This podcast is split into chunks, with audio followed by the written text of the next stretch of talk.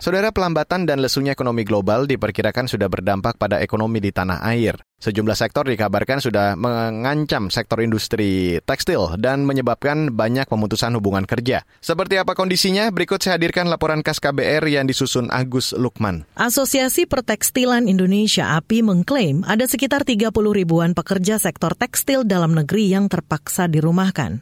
Sekjen API Rizal Tanzil Rahman membantah jika perusahaan disebut melakukan PHK.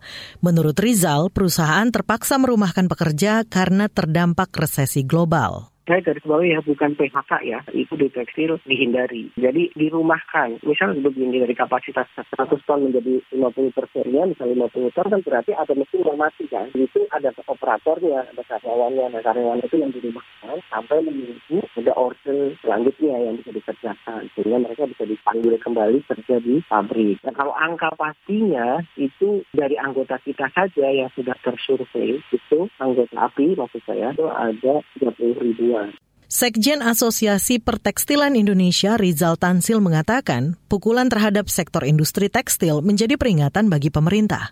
Ia mengatakan, industri tekstil merasakan langsung dampak resesi karena banyak memasarkan produknya ke luar negeri. Sebelumnya, Badan Pusat Statistik BPS mencatat selama periode Agustus 2021 hingga Agustus 2022, terjadi penurunan jumlah tenaga kerja di sektor tekstil hingga 50 ribu orang.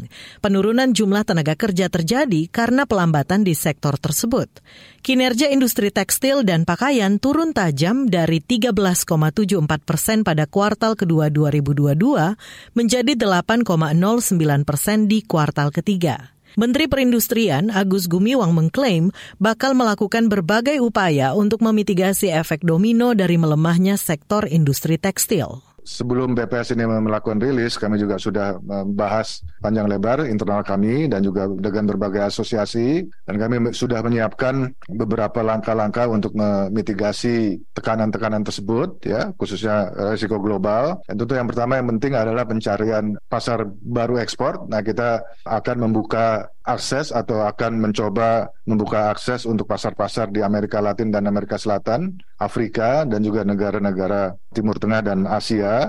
Agus Gumiwang mengatakan kementeriannya sudah membentuk satuan tugas pengamanan krisis industri tekstil, kulit, dan alas kaki. Tim bertugas menginventarisasi industri tekstil yang terdampak krisis perekonomian global. Kondisi industri tekstil yang dalam bahaya mendapat perhatian dari DPR. Ketua Komisi Bidang Industri DPR, Sugeng Suparwoto meminta pemerintah serius menyelamatkan klaster industri tekstil dari dampak perlambatan ekonomi. Sugeng mengatakan pemerintah bisa mengarahkan agar industri tekstil menyasar pasar domestik. Sebab menurutnya permintaan dalam negeri tengah mengalami peningkatan itu kan memang hukum ekonomi yang itu biasa saja. Artinya kalau permintaan turun, mau bagaimana kan gitu. Maka harus diselamatkan untuk menggenjot atau permintaan dalam negeri salah satunya. Dan sekarang lagi baik-baik, sebenarnya permintaan dalam negeri lagi bagus.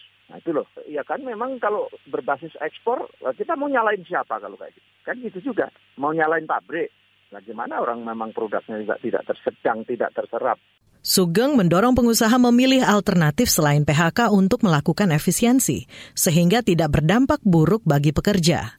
Di lain pihak, ekonom dari Kor Indonesia, Muhammad Faisal, menyarankan pemerintah memberi insentif atau relaksasi pajak kepada industri tekstil supaya tidak terjadi badai PHK. Selain itu, pemerintah juga harus membujuk pelaku usaha agar tidak melakukan PHK massal.